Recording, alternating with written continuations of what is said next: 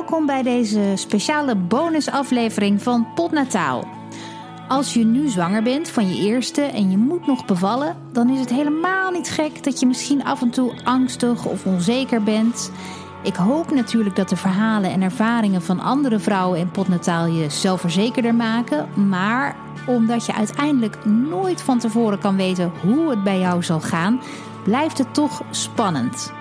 Maar wanneer wordt die spanning nou echt ongezond? En wat kun je doen om zoveel mogelijk angst rondom de aankomende bevalling weg te nemen? Ik praat erover met gynaecoloog Marielle van Pampus. Zij is werkzaam in het OVG in Amsterdam. En ze doet onderzoek naar psychische gevolgen van zwangerschap en bevalling bij patiënten, partners en hulpverleners. Dag Marielle. Hi. Waar zijn vrouwen nou met name bang voor als het aankomt op bevallen? Ze zijn met name bang voor pijn en uh, bang voor controleverlies tijdens de bevalling. En waar komt die angst vandaan? Ja, dat, dat, dat kan een aantal oorzaken hebben. Uh, het kan, als je kijkt naar biologisch gezien, kunnen mensen uh, bang zijn voor pijn. En um, overigens is angst voor de bevalling, daar is ook een formele term voor, hè? fear of childbirth. En eigenlijk is er niet veel bekend over de oorzaak van fear of childbirth. Maar het kan zijn dat iemand eerdere traumatische ervaringen heeft op een ander vlak, wat die bevalangst triggert. Het kan ook zijn angst voor toekomstig ouderschap, angst voor pijn, angst voor controleverlies. En um, ja, het heeft ook een beetje te maken met uh, hoe de sociale omgeving is. Hè? Vrouwen die weinig tot geen sociale steun hebben, die ondervinden toch meer angst. En uh, financiële onzekerheid speelt soms ook een rol, hè? dat er andere angsten zijn. En het kan natuurlijk ook uh, komen door een eerdere traumatische ervaring of een eerdere negatieve bevalervaring. Ja, ja. Zijn we nou door de jaren heen ook banger geworden? Heb, heb je dat idee voor de bevalling? Nou, ik weet het niet. Kijk, 10 tot 20 procent van de vrouwen heeft formeel ver of childbirth of angst voor de bevalling. Dat kan je overigens ook testen. Daar zijn bepaalde vragenlijsten voor. Ja, want, want wanneer hebben we het over gewone spanning inderdaad en wanneer gaat het over echt, echt angst? Ja, dat, dat, dat kun je uit een vragenlijst halen. Als het dan boven een bepaalde score is, dan. Uh, en dat zijn verschillende items. Hè. Hoe kijk je naar je toekomstige bevalling? Waar ben je dan het meeste bang voor? Dat is echt zo'n vragenlijst met 12 items. En uh, ja, dan blijkt dat 10 tot 20 procent verhoogd angstig is dan kan het zijn um, dat er de laatste jaren meer aandacht voor is. Hè? Dat vroeger vrouwen veel meer lijden in stilte, of leden in stilte. En dat het nu gewoon meer bespreekbaar is. Ja, dat het, en het kan zit. natuurlijk hele buitenproportionele groot worden, die angsten. Die kan echt te groot worden. Um, maar ik denk dat het vroeger ook wel bestond. Alleen ja, toen was het misschien toch meer. Het hoorde erbij. We hebben het er maar niet over. En nu leven we wel wat meer in een maakbare wereld. Ja, ja. en vroeger ja, bevielen mensen natuurlijk misschien ook meer. Meer kinderen. Nu uh, zijn vrouwen misschien bevallen later, uh, krijgen minder kinderen. Uh, ja. Misschien ben je de eerste ja. van je vriendinnengroep die het meemaakt. Dus dan heb je ook. Ja misschien weinig uh, ja, er, ervaring er in die zin mee. Ja, dat kan. Dat uh, de omgeving daar ook een rol in speelt. Hè? Uh, maar je moet je voorstellen, het zijn wel 15.000 vrouwen per jaar die overmatig angstig zijn. Kijk, enige angst is natuurlijk begrijpelijk, hè, want het is onzeker. Je weet niet hoe je het doet, je weet niet wat er gebeurt. Hè, dat kan je wel zien op films en horen, maar het ondergaan is nog weer iets anders. Ja, ja precies. Ja. ja. En ja. heeft die angst dan uiteindelijk ook echt een bewezen negatief effect op je uiteindelijke bevalling?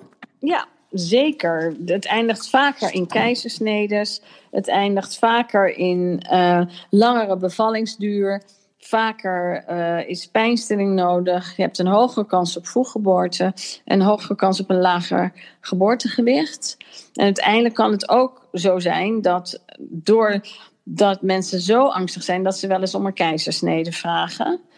Um, en, en het eindigt ook vaker, als we het spontaan vaginaal proberen, vaker in een kunstverlossing. En daarnaast is het zo dat de psychische gevolgen ervan dat, dat is ook onder andere dat je er negatief op terugkijkt. En dat je een verhoogde kans hebt op een traumatische ervaring. En een verhoogde kans op een postnatale depressie. Ja, dus alles wat je gewoon niet wil. En eigenlijk alles wat je, waar je bang voor bent, komt dan misschien ook wel uit.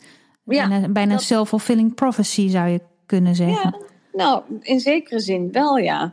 En dat is juist het sneuien. Want ehm, hoe relaxter je bent, ehm, ja, dat, dat is altijd beter dan te angstig zijn. Ja, nou is het natuurlijk ook niet zo dat als je super positief bent, dat je dan automatisch een goede bevalling hebt. Zo werkt het natuurlijk ook weer niet. Nee.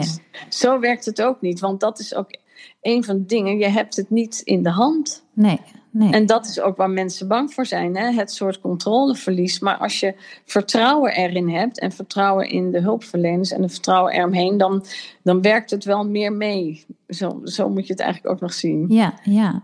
En wat, wat, wat, wat zijn nou dingen die je kunt doen om uh, te zorgen dat je dus ja, zo ontspannen mogelijk die bevalling uiteindelijk ingaat en dat je die angst uh, van tevoren weg kunt nemen? Zijn, zijn er dingen die je daaraan kunt doen?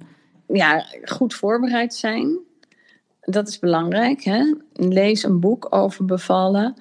Um, nou, je hoort natuurlijk altijd horrorverhalen. Um, ja, dat heeft ook te maken met uh, hoe mensen beleefd hebben. En dat is de een die beleeft de dingen anders dan de ander. Dat heeft dan ook weer te maken met persoonlijkheid of karakter.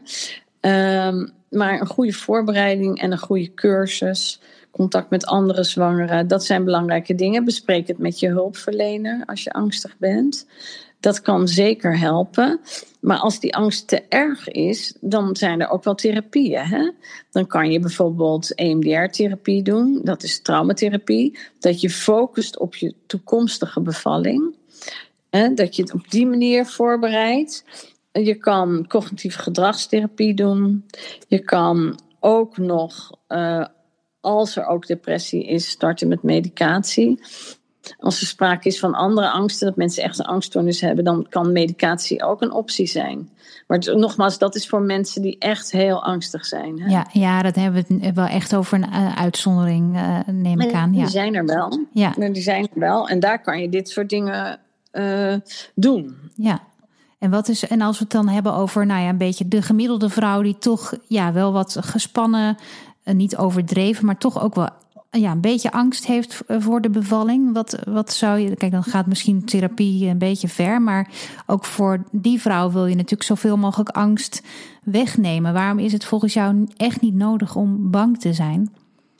Um, nou, ik, enige angst is normaal.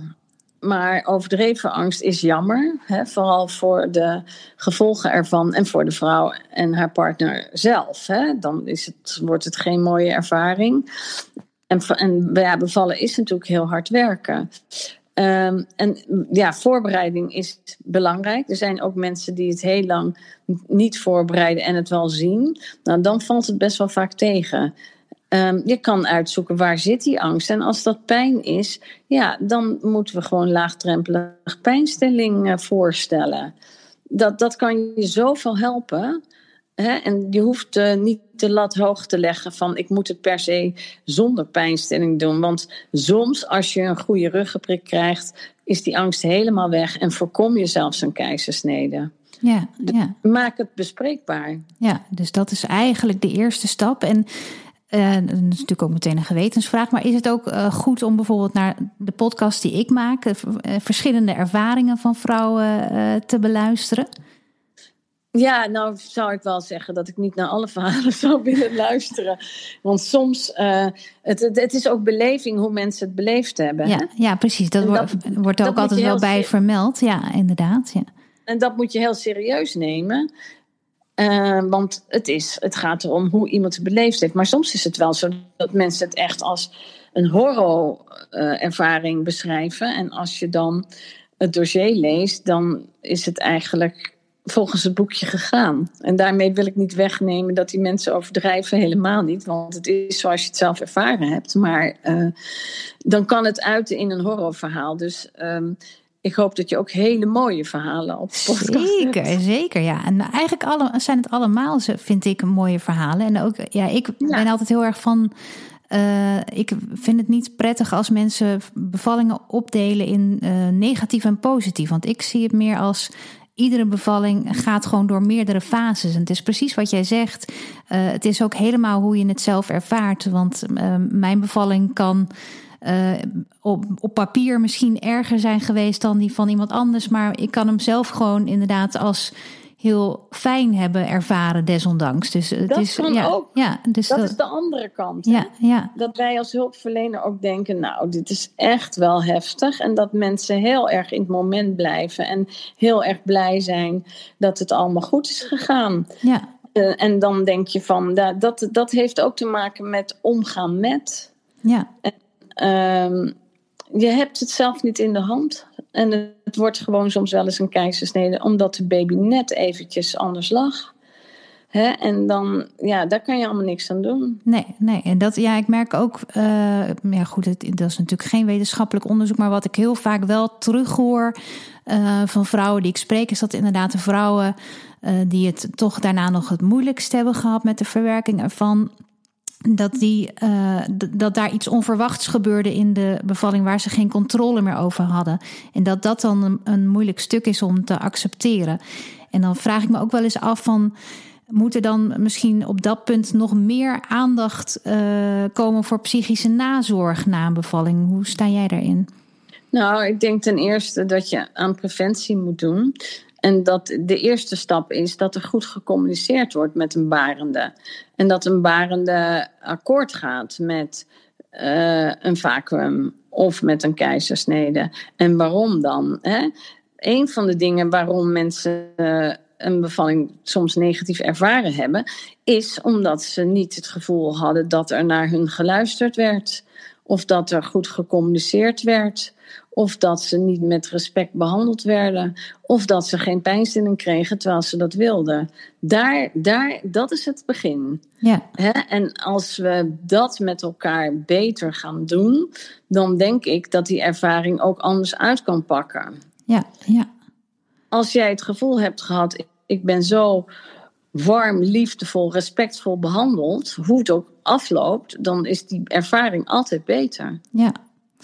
En heb jij nou ook het uh, gevoel dat er nu misschien ook wel een tendens bestaat dat, uh, ja, dat er een soort van perfect plaatje moet worden nagestreefd als het aankomt op de bevalling? Ja, zeker. En dat is ook um, de lat hoog leggen. Hè? Uh, wat, wat sommige vrouwen wel doen, alles onder controle hebben en het moet perfect. Dat, dat is ook natuurlijk een beetje de huidige maatschappij. Maar ja, dat is ook loslaten. En, en bevallen is ook loslaten van uh, de verwachtingen. Uh, van alles dat, eigenlijk, dat, heel letterlijk zelfs. Ja. ja, ja, en dat is lastig als je, dat, als je heel erg in je hoofd zit. Dan gaat dat bevallen minder makkelijk. Maar dat is ook uh, uh, ja, onderdeel van de huidige maatschappij. Hè? Het is allemaal veel maakbaarder. En daarmee leggen mensen ook de eisen wat hoger. En dat is ook lastig. Ja, en als er nou net iets is wat eigenlijk niet maakbaar is, tot op zekere hoogte, dan is het misschien wel de bevalling. Ja, ja. ja. ja. Maar als je het gevoel hebt gehad dat we er met z'n allen keihard aan gewerkt hebben om het toch een mooie ervaring te maken, dan is het al heel wat anders als dat je alleen gelaten hebt gevoeld. Ja, ja. Dat, dat is ook een ding. Vroeger zaten co-assistenten de hele bevalling erbij. dat is niet meer zo. Terwijl we weten dat één op één, een, een behulpverlener die constant bij een bevalling is, werkt ook heel goed. Ja, en dat, komt dat dan doordat uh, de, de, uh, de vrouw die aan het bevallen is, dan meer het gevoel heeft dat er op haar wordt gelet? Um, nou, het heeft meer te maken met het ervaren van voldoende steun. Ja. En dat is ook het huidige fenomeen dat sommige vrouwen een doula meenemen. Hè? Ja. Die er altijd is. Dus daar ben je eigenlijk wel voorstander van uh, dat dat Ja. meer, uh, meer gebeurt. Nou, ik denk wel, als jij als een, een paar het heel goed samen doet, is het niet altijd nodig. Maar sommige mensen weten dat ze het wel nodig hebben. En dan ben ik daar natuurlijk niet op tegen. Nee. nee. Nee. Ja. Nou, volgens mij heel helder. Ik hoop dat iedereen een mooie ervaring heeft. En als dat niet zo is, of er zit ergens nog iets van hadden we niet dit of hadden we niet dat, dan zou ik daar vooral over praten. En vooral in contact uh, komen met de hulpverlener die erbij was. Want dat maakt wel dat je het allemaal beter kan verwerken. En het zorgt wel dat je dan meer kan genieten van de, van de tijd en van de baby. Ja, en, en dat in het hier en nu kan zijn. Precies, en dat willen we allemaal natuurlijk uiteindelijk. Ja, dat is eh, toch wat je nastreeft. Ja. Heel veel dank. Ja, graag gedaan. Ja. Tot zover deze bonusaflevering van Potnataal. Ik hoop dat je er wat aan hebt en dat je het uh, interessant vond. En ik heb het al eens eerder genoemd, maar je kunt vriend worden van de show als je naar vriendvandeshow.nl slash podnataal gaat. Daar kun je je aanmelden en je kunt dan in contact komen met mij en andere luisteraars. Laten weten wat je vindt van de show en je kunt donateur worden. Uh, mag, hoeft niet, uh, kijk maar wat je wil. En um, als je dan toch bezig bent, dan is het ook nog wel heel handig als je een 5-sterren recensie wil geven in iTunes. Want als je dat dan weer doet, kunnen andere mensen weer sneller deze podcast vinden. Dus uh, fijn als je daar uh, nog even de tijd voor wil nemen. En um, als je abonneert op de podcast, dan krijg je altijd een melding als er een nieuwe aflevering is. Dus dat is voor jezelf wel heel handig om te doen. Ik ben verder nog te vinden online via mijn Instagram-account. Dat is @simonewijnands Leuk als je me daar komt volgen. En Potnataal is te beluisteren via alle beschikbare podcast-apps en natuurlijk via dag en nacht. Dag!